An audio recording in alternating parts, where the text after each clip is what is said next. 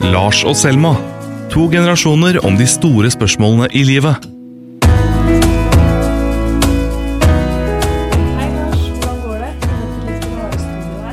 Jo, eh, det er jo hyggelig å lage podkast igjen, men jeg må innrømme at det er lenge siden jeg var i senga til en 23-åring. Det eh, det er mange og 20 år siden jeg var sist. Det er eh, godt å høre, for så vidt. Men eh, det er eh, rett og slett soverommet mitt. Det er minst støy på, så da må vi kjøre det. Og rare tider, koronatider, Ja. gjør at vi, alle vi må gjøre vårt. Også vi journalister må tilpasse oss. Og det er vanskelig å komme seg inn i et studio, så vi får ta det vi har. Ja. Ja. Du har jo vært her før, og du ler jo så fælt leiligheten min. Ja, det er, dette er jo en leilighet eh, som egentlig din mor eier, ikke sant? Eh, og det ser ut som det bor en dame 52 her, mens du er jo jente 23. Så det syns jeg alltid er litt gøy da jeg kommer inn her. For jeg kommer inn i leiligheten til en middelaldrende kvinne med hvit skinnsofa og, og, og salong. Uh, så det er alltid litt gøy. Ja. Ja. Men uh, sånn er det her. Jeg, det er jo en litt rar tid, så hvorfor ikke velge et ekstremt lystig tema, nemlig døden. Ja. Eh, ok, døden, Lars. Kan du huske liksom første gangen du tenkte du tenkte på døden? Første gang du tok inn over deg konseptet døden? Ja, det er nok eh, Det er nok ganske tidlig. Jeg tror man får litt sånn bevissthet rundt det tidlig. Eh, Men jeg husker jeg hadde panikkangst for å ha gjeld. Som jeg tror var knytta til uh, dødsangst da jeg var sånn 8-9-10 år. Men hadde du ekte panikkangst? Ja, jeg, jeg våkna på natta og gikk hvileløs rundt i huset på Nesodden. Og jeg tror jeg til og med jeg fikk trøst av mutter'n og fatter'n. For jeg tenkte på renters rente.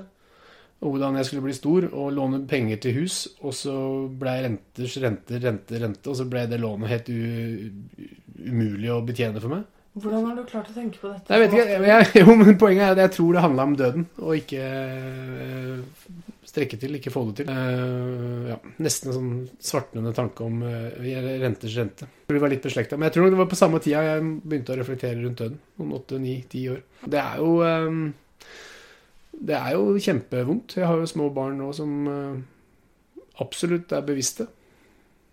Ja. Mm. Jeg, det er morsomt at du sier det der med at du var redd som barn, fordi jeg var veldig redd for å bli eh, uteligger eller narkoman. Da var jeg også sånn åtte-ni, eh, og da gråt jeg og var helt utrøstelig, fordi vi hadde en alkoholiker ikke så langt fra, fra oss i nabolaget. Og da sa søsteren min, eh, for å erte meg, da, at eh, Selma, du kommer til å bli som han. Og da knakk jeg helt sammen. Jeg vet ikke om det hadde så mye med døden å gjøre, men jeg var også veldig redd for sånne store ting. For hvordan det skulle gå med meg, da. Og så har jeg vel alltid tenkt at jeg kommer til å dø ung. Du har alltid tenkt at du skal dø ung. Mm. Ung og vakker, liksom. Nei, ikke, ikke med vilje. Nei, nei, nei, nei men, men, Men, eh, men at jeg har tenkt at hvis noen blir kidnappet, påkjørt eller andre ting, så føler jeg at det kunne vært meg. Så jeg har, jeg har sett for meg hvor, hvilket bilde de ville valgt i avisa hvis jeg blir kidnappet. Ja, har... du er ikke noe særlig dramatisk. Nei, Nei. ikke i det hele tatt. Nei. Men, jeg, men jeg, jeg spurte en drosjesjåfør på vei et sted her øh, midt i koronagalskapen. For han kjørte drosje, ikke sant? og sitter der og det kommer masse folk inn og ut og er veldig eksponert. da, disse stakkars drosjesjåførene. Så spurte jeg om han ikke var redd eh, for å bli smitta, da, og da underforstått å dø. Eh, eh, og han sa at han var ofte redd for å dø da han var ung, men Gud har en plan. Han var muslim, da. Jeg tror, jeg tror han var fra Eritrea. Så han var, tok det så kult. Og det syns jeg Å, så deilig å kunne ha et sånt syn på livet. At hvis, mitt, hvis, hvis det er meg, min tur, så er det min tur. Og det kan jeg umulig gjøre noe med, for det står skrevet. Det har Gud bestemt. Så han tok det helt piano. Han var redd for å dø av vonde ting. Altså Han var for, redd for kreft og redd for sånne fæle døds, dødsleier, liksom. Og, men utover det, helt kul. Han var veldig fin å prate med. Drosjesjåfører er eh, gode samtalepartnere ofte. Ja, det hadde vært veldig digg å tenke at det var en mening med alt som skjedde. Men tror du han hadde tenkt at det hadde vært en mening hvis barna hans døde, f.eks.? Nei, men jeg tror han hadde, tror han hadde forsona seg med det. Fordi vi skal alle dø på et eller annet tidspunkt. Så enten man dør nå eller om 30 år Det er nesten vilkårlig. Eh, Jeg tror det er i hvert fall lettere å forsone seg med døden da. Jeg, eh, jeg hørte på en podkast nylig som eh, heter 'Dying for sex', som handler om en eh, dame som har uhelbredelig kreft. Og som derfor begynner å ha masse sex med masse folk da, og gå fra mannen sin og sånt. Og det er en ekte historie. Og da eh, Ikke for å spoile, men da hun blir jo veldig syk på et punkt i den podkasten, og så snakker spør venninna hennes henne om eh, hva hun tenker om å dø. Og da liksom begynner hun å snakke om hvor, hvor vanskelig det har vært å leve med den sykdommen, og hvor mange ting som ikke går fordi hun er syk. Men nå skal hun endelig reise til et sted som hun ikke vet hvor er, men hun skal endelig få lov til å dra et sted og ha det bra. Så hun sier sånn eh, So to be honest, I'm fucking excited about it. Som sånn Som var veldig sånn Det var veldig spesielt å høre på og prøve å sette seg inn i det der å vite at man skal dø. Fordi alle vi skal jo dø. Men det der å måtte leve med Jeg vet at jeg veldig snart skal dø, da. Hvis du hadde fått eh, en uhelbredelig diagnose i morgen, og du fikk vite at du hadde et år igjen å leve, hva hadde du gjort annerledes da? Eller hva hadde du gjort da? Ja, pga. korona da, da har tilbrakt 24-7 hjemme med familien. Men hvis vi hadde snakka om normale omstendigheter Nei, man hadde jo ikke gjort så mye annet, sannsynligvis. Man bare prøvd å være sammen med de folka man er glad i, og Jeg veit ikke. Det er jo et sånn evig spørsmål. Uh, For jeg snakka nemlig med det med en kompis en gang, og da sa han at eh, nei, da ville jeg liksom eh, sagt opp jobben med en gang, og så hadde jeg liksom reist og liksom vært sammen med familie og sånn, men liksom Mm. opplevd det og det og det. Og da tenkte jeg sånn Jeg ville, jeg ville gått på jobb hver dag hvis jeg hadde ett år igjen. Men, det er jo, men hvis man liksom hadde skulle reist verden rundt, da hadde man jo prøvd å flykte, da. Jeg tror ikke du hadde hatt så innmari glede av å sitte på en øy med en øl i solnedgangen og vente, liksom. Jeg tror nesten man må, må prøve å leve som, som ellers. Men tror ikke du det er et tegn på at man liker livet sitt òg? Hvis på en måte reaksjonen hadde vært Og da ville jeg Fortsette å leve sånn som jeg er? Jo, mitt, liksom. det er jo et godt tegn. Det tenker jeg. Ellers har man bare lite fantasi, da. Men jeg har blitt, jeg, har blitt jeg, jeg tenker mindre og mindre på det, egentlig. Jeg har blitt øh, liksom Når du blir sånn 40, og liksom så i den voksenkulturen, så er det alltid sånn Det ligger en sånn undertone av død i alt, som jeg ikke opplevde da jeg var 15 eller 20 eller 25, for så vidt. Men når du blir sånn 40-45 og omgås folk liksom, ja, som til og med har blitt 50, så er det alltid en del av samtalen. Sånn, den, den ligger rett under deg hele tida. Eh, alle ler litt og tuller litt med det, men den, den er der hele tida. Den bevisstheten den er der hele tida. Særlig når man liksom har venner man har kjent i 40 år og sånn, så, så veit man at man skal, liksom, man skal i begravelsen til disse gutta etter hvert. Eller de i min. Det er jo, det er jo Du går jo rundt for deg når du tenker på det, på en måte.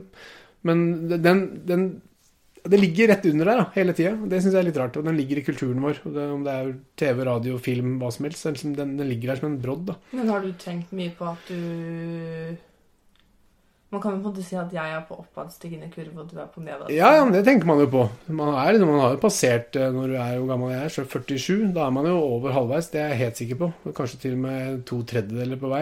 Det er jo en rar tanke. Har du sett for deg begravelsen din? nei, det har jeg ikke tenkt så mye på. Nei, det har jeg ikke tenkt på. Men, eh, jeg. men, eh, men jeg skal ha hvit kiste. Det, det, det er jeg helt overbevist om. Nei, du? nå tuller jeg. Du må, liksom, du må prøve å jobbe med huet ditt og prøve å rasjonalisere det og Ja, men Hvis du hadde dødd i morgen, hadde du måte vært fornøyd med hva du har fått til? Ja, absolutt. To barn er bra, det. To barn og masse venner. Det er ikke så gærent, det.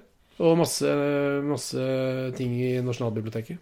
For de som har lyst til å gå inn på Dagsavisens eh, arkiv der.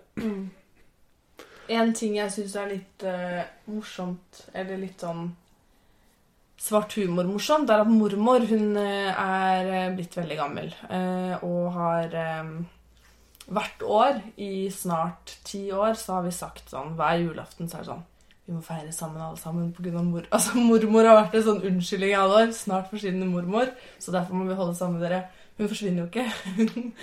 hun er en stayer. Det, jeg har tenkt på at det må være veldig, veldig rart Å være mormor. Å være mormor. Og liksom å vite at liksom jeg kan dø i morgen eller om et kvarter. Um, og den hverdagen jeg har nå er liksom ikke, Du har ikke liksom noen lange ambisjoner eller mål. Jeg kan alltids trøste meg med at livet mitt kan komme om fem år. Mens mormor kan jo ikke det. Men er det ikke rart hvor lite vi vet om de tankene i vår kultur? Hvor få bøker det er, hvor få intervjuer med gamle det er. Eh, hvor tabu den døden fortsatt er hos oss. Da. Vi vil ikke høre åssen de gamle har det. Vi setter dem gjerne på et hjem, og så lukker vi døra, og så, så dør de. Er ikke det ganske rart? Jo, det er veldig, veldig rart. Tenk deg de tankene som de har, som man aldri får innblikk i. Det er ingen som intervjuer dem, ingen som skriver bøker om dem. Vi lukker litt øynene for det som, som kultur. da. Det er ganske interessant. Ja, jeg har veldig lyst til å på en måte hylle mormor på en eller annen måte, men jeg har ikke helt funnet ut hvordan ennå. Jeg sa jo til henne at jeg skulle skrive henne i avisa. Og du bestemmer jo om mine tekster kommer på trykk eller ikke, Lars. Og da fjerna du jo det om mormor. For du ville ha henne med noe annet eller noe sånt. Men nå har hun fortalt hele byen hun bor i at jeg har skrevet om henne i avisa, så har jeg ikke det. Så jeg må, Så det må, det, jeg må jeg nødt til å gjøre det. må vi skrive om mormor i avisa. Det Ja. synes jeg er det minste vi kan gjøre. Ja, jeg må gjøre det, faktisk. Men Hvor gammel er mormor? eh, jeg ble litt usikker. Jeg tror hun er Ta en sjanse. Hun blir 92 i sommer. Ja. Ja, Det er det riktige. Det er hun blir 92 i sommer. Det er det jeg sier er godt jobba. Ja. For noen år siden så var vi på Glomma, eh, som er eh, i Elverum, og skulle bade. Og så tar altså mormor Jeg tror dette er sånn Kanskje ti år siden, altså. Men da tar hun altså bomba fra det der stupebrettet. Og hele Glomma bare ble helt stille. Jeg tror mormor hadde litt glemt hvor gammel hun var, og kanskje glemt å ta et høreapparat også, hvis jeg husker riktig. Full fart. Ja. Men Det er, jo, det er jo bra illustrert, da. At man må Livet kan være så mangt. Altså Hvis man ikke lever, så er det ikke noe vits å bli gammel. eh, lever foreldrene dine? Og mine foreldre lever, ja. Ja. Ja, begge to. Ja. Men ingen besteforeldre. Nei, Men har du tenkt eh, mye på foreldrene dine? De begynner vel å bli gamle? Ja, ja, ikke så gamle. De er bare sånn tidlig i 70-åra, begge to. Men de er i brukbar form, de. Så det er ikke noe, Ja, de er ikke noe nært tidlig. forestående. Fikk deg litt tidlig? 25, tenker jeg. ish. Ja. Ja. ja. Mamma fikk meg eh, mye senere. Jeg føler at mamma og pappa er blitt gamle allerede. Så når jeg kan være sammen med dem, så Ja. Faren min er jo sjuk, så det var jo ja, det, har, det kommer til å gå bra med han. Men eh, når han fortalte meg det, så var det noe som endra seg inni meg. på en måte. Eller liksom perspektivet mitt på både mamma og pappa, og hvordan de liksom ikke alltid kommer til å være her. Begynte å tenke på sånne rare tanker som kommer de til å rekke å være her når jeg får barn? Sånne ting som jeg aldri har tatt stilling til før, da, for jeg bare har tatt det som en selvfølge at de, er, eh, at de henger rundt der. Og det har vært sånn Jeg vet ikke helt hvem jeg er uten mamma og pappa. Liksom. Fordi jeg, det er så utrolig viktig del av identiteten din. Så når, Mm. det, når det stilles spørsmålstegn ved det, så blir man helt sånn Det har vært veldig Det har vært veldig rart, men også på en måte litt fint å hvert fall få en bevissthet over eh, å sette pris på at de er her, da. Og mamma ble også veldig sjuk en gang. Og hun, hun sier jo ikke noe til noen. Så hun var bare plutselig på sykehuset, hun innlagt med masse Og så sa hun til meg på telefonen ja, men de slipper meg vel ut der snart, eh, og sånt. Så kom jeg, så kom jeg dit, da, og så ligger hun der med masse ledninger, og hun skulle ikke noen steder. Eh, da hadde hun bare fått et illebefinnende, men da ble hun overvåket for hjerneblødning i to døgn. eller noe sånt. Det var dritskummelt. liksom. Mm.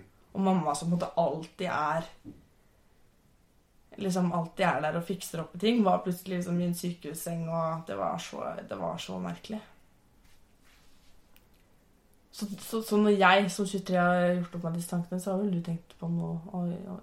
Om mutter'n og fatter'n? Ja. Ja, ja. Tenker på det hele tida. Absolutt. Det Men det er ikke så mye man får gjort, da. Man, men det er jo det som er fint med å få barn sjøl, er jo at man kommer jo mye tettere på sin egen mor og far.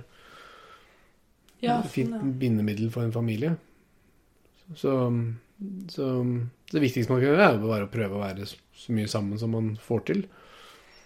Leve, liksom. Og så, ja, så er man jo her så lenge man er her. Men hvis du kunne fått en dato hvor du ble fortalt når du skulle dø, hadde du Nei, nei, nei, er du gæren? Det er jo Nei, nei, nei. Nei. Nei. Det er utløpsdato. Ja? Best før. Eller må ikke brukes etter. Kan ikke brukes etter. Nei, det hadde vært Det hadde forandra menneskeheten totalt hvis vi hadde visst når vi skulle bli borte. Man veit ikke. Det er jo litt av Det er jo liksom livets mirakel. Jeg ser på en serie som heter Westworld, som er sånn eh, Har du sett på det? Ja, litt. Det er sånn framtidsserie. Hvor man i framtida da eh, har en sånn maskin som kan kalkulere seg fram til hva som kommer til å skje. Så da har de profiler på alle menneskene, eh, og så kan de se liksom Ok, du har historie med det og det og det. Du, ok, du kommer mest sannsynlig til å ta livet ditt når du er eh, 50. Og det kommer mest sannsynlig til å skje på dette stedet her. Så derfor så gir vi deg ikke noe jobb, for det, det er ikke noe langvarig å satse på deg. De, de kan forutse menneskeskjebne på den måten. da. Tenk om man kunne det. da. Det hadde vært veldig spennende. Så ordentlig, ordentlig skummelt. Ja, ja. Det er jo helt forferdelig. Det er jo det er jo ikke sånn det skal være, men eh, det hadde vært litt eh, spennende. Har du, men du har ikke tenkt på hvordan du kommer til å dø? Nei, det har jeg tenkt litt på. Jeg bare håper jeg slipper å bli sjuk. Ja. Utover det så er jeg ikke så redd for å dø. Jeg er mer redd for å bli gammel. Jeg er mest, jeg er aller mest redd for å dø før Westham vinner seriegull eller cupgull igjen. Det, er det er jeg livredd for. Det, det er, men det er jeg også helt overbevist om at jeg kommer til å gjøre. Jeg kommer til å dø uten suksess for Westham. Nå tuller du bort. Jeg tuller litt nå. Ja, det går fint. Jeg bare prøver å liksom poke litt borti det her. Ja. Men eh, Nei, det jeg skulle si var at jeg, jeg er mer redd for å bli gammel enn for å dø. Jeg er mer redd for den mormortilværelsen. Den syns jeg virker Ja, fordi mormor er jo aleine. Men det er ikke bare det å være alene, men det å ikke ha noe framtid. Ja, nei, det er, det er jo spesielt. Det skremmer oss jo. Det er jo derfor vi hører så lite om det. Men øh, jeg øh, Hva skulle jeg si nå? Jo, øh, aktiv dødshjelp kan vi jo snakke om i denne sammenhengen. Mm. For det er jo en politisk diskusjon som går. Og jeg syns kanskje at folk skulle få lov til å velge, da. Fordi vi blir for gamle. Vi har, kroppene våre tåler egentlig ikke å bli så gamle som vi blir. For vi har medisiner for alt. Og de fleste som runder 75, har jo et pillebrett som ser ut som et uh, sirkus. Så hvis man ikke vil mer, ikke orker mer, så kanskje man skal få lov til å slippe. Og i hvert fall være lettere å få lov til å sjøl bestemme, da. Det er en vanskelig diskusjon. Ja, jeg syns egentlig ikke det er så vanskelig. Eller sånn Det kommer jo sånn Du kan jo sette opp masse scenarioer og så liksom tenke at i, ett et scenario så er det kanskje ikke så bra å ha aktiv dødshjelp, mens i et annet så Jeg tenker på de som er så syke at de ikke kan gjøre noen ting. De som har ME, f.eks., og bare kan ligge i en mørk seng. Jeg synes, ja, det, er et mareritt. Det er et mareritt. Jeg vil jo jeg, jeg, jeg mener sjøl at jeg skulle få lov til å velge hvis jeg mener at denne tilværelsen er meningsløs for meg. Mm. Jeg har det ikke noe bra. De menneskene rundt meg går og venter på at jeg skal bli borte. De har det ikke noe bra. Mm. Jeg vil helst slippe. Jeg var fornøyd med de åra jeg fikk. Ja. Ja, det er vanskelig. Men jeg Jeg syns jo det burde være noen muligheter for at det var At det var mulig, da. For folk Mm. som er sjuke, eller eh, er uhelbredelig sjuke på et eller annet vis. Mm. Det jeg syns kanskje er det vanskeligste temaet innenfor døden, er selvmord. Det synes jeg er det, det, Der blir jeg mest klønete og mest redd og mest sånn eh, Redd for å si noe, vet ikke hva jeg skal tenke om det eller gjøre. Hvorfor det? Hvorfor det? Nei, jeg tror jeg blir veldig redd for å gjøre noe feil som pårø- eller som noen rundt deg. For når, det begynte jeg å tenke på veldig mye når Ari Behn tok livet sitt, og alle snakket om selvmord, og at vi må snakke mer om selvmord. tenkte jeg på sånn, hvorfor jeg syntes det var vanskelig. Og så Det var en jeg kjente som tok livet sitt, og så turte jeg ikke å gå i begravelsen. Og det handla om at jeg ikke Jeg turte ikke å se foreldrene hennes i øynene. skjønner du? At det er sånn der, Jeg må bli helt sånn Jeg blir helt sånn lamma av en sånn Ja, redd for å, redd for å ta plass i det, og redd for å ikke gjøre det. skjønner du? Mm. Noen ganger så kan jeg føle meg i veien i noens begravelse. Mm. At jeg, at jeg ikke hører hjemme der. Men, er, hvor, men, er, men er selvmord Er det en annen type død, mener du? Er det en annen lada død? Hvis det er unge mennesker som tar livet sitt, så er det jo det. Du hadde Mm. vel blitt tristere hvis jeg tok livet mitt enn hvis jeg døde av en bilulykke? Ja, da hadde jeg jo tenkt at da kjente jeg deg jo ikke. Hvis du hadde det så vondt. Mm. Så hadde jeg jo tenkt hva gjorde vi galt, vi rundt deg, liksom. Det er klart, det. Ulykke er lettere å forsone seg med ulykker enn selvmord. Det tror jeg kan ødelegge en mamma eller en pappa. Virkelig. Det er vanskelig å forsone seg med det. Ja, og så har du tenkt på det der med øh, Altså, har du, har du kjent noen som du sto veldig nær, som har dødd? Som har dødd? Mm. Eh, ja, ikke veldig nært, men noen. Ja, Er det type venner, besteforeldre? Ja, litt voksne venner. Eh, har ikke du også da begynt å tenke veldig mye mer gjennom samtaler og alle mulige sånne ting? Som jeg har hatt med dem? Ja. Nei, jeg har kanskje ikke vært så nære dem. Men uh, det er jo naturlig at man gjør. Men Jo, men man begynner liksom å huske folk når de dør. ja, Sånn som Ari Behn, da. ja. ja. At alle snakket om han og hvem han var når han døde. Mm. Hvorfor gjør vi ikke det mer når vi lever? Nei. Men det er nok litt menneskelig, da. Jo, jo, jeg skjønner det, da. Sånn er vi. Men sånn som hu- hun jeg kjente som døde, da tenkte jeg veldig mye på alt, alle samtaler jeg hadde hatt. Men hun henne. tok livet av seg. Mm. Mm. Da tenker du jo Da tenker du jo på alle mulige samtaler man har hatt, og, og jeg, jeg Det kommer fra det blå for min del, jeg hadde ikke trodd det, ikke sant? Og da begynner man å Da begynner man å tenke på sånne ting. Folk på barneskolen som jeg gikk på barneskolen med, som har blitt, eh, som har blitt eh, drept i ulykker. Og så tenker jeg bare sånn, så begynner jeg å tenke på hvordan de var på barneskolen. Skjønner du at vi, vi husker hverandre når vi dør? Mm. Ja. Det er jo naturlig. Man tenker gjennom livet sitt og hvilken relasjon man hadde til de som er borte. Mm. Men livet er, hva er det man sier? Det er et sus i sivet. Det er jo rart å tenke på at man skal bort, bli borte, men det er jo milliarder av mennesker før oss som har bare blitt borte. Ble du reddere da du fikk barn? Nei, omvendt. Tenker, tenker, ja, nesten, jeg tenker veldig sjelden på døden. For aldri sånne Før kunne liksom svimle for meg på natta, og det bare gikk rundt meg. Eller plutselig begynte å tenke på at man ikke skulle være. Men med barn så tenker jeg at da er sånn, ja Da jobben er gjort. Jeg er, er lever litt videre. Jo, det er jeg. Jo, jo, livredd. Det det Men ikke på. sånn lammende redd. Men, men øh, kanskje jeg er litt muslim. Det er, øh, det er en mening. Det er skrevet. Tror du det? Nei da, jeg tror jo ikke det. Men jeg tenker at det er ikke alt vi kan kontrollere i livet. Liksom, Vi kan ikke passe på dem, vi kan ikke løpe etter dem, vi kan ikke beskytte dem fra alt. Vi, det er jo korona et eksempel på hvordan vi plutselig får noe over oss som vi ikke kunne beskytte oss fra. Og da blir mange mange mennesker stressa. Vi hadde jo dette livet her i Norge, vi hadde full kontroll. Ingen kunne, ingenting kunne nå oss. Vi skulle alle bli 90 og leve lykkelige liv. Plutselig så kommer det en ting. Så jeg, ja, jeg tenker ikke så mye på at de heller kan bli sjuke. Jeg føler ikke at vi snakker så veldig mye om døden når vi snakker om korona.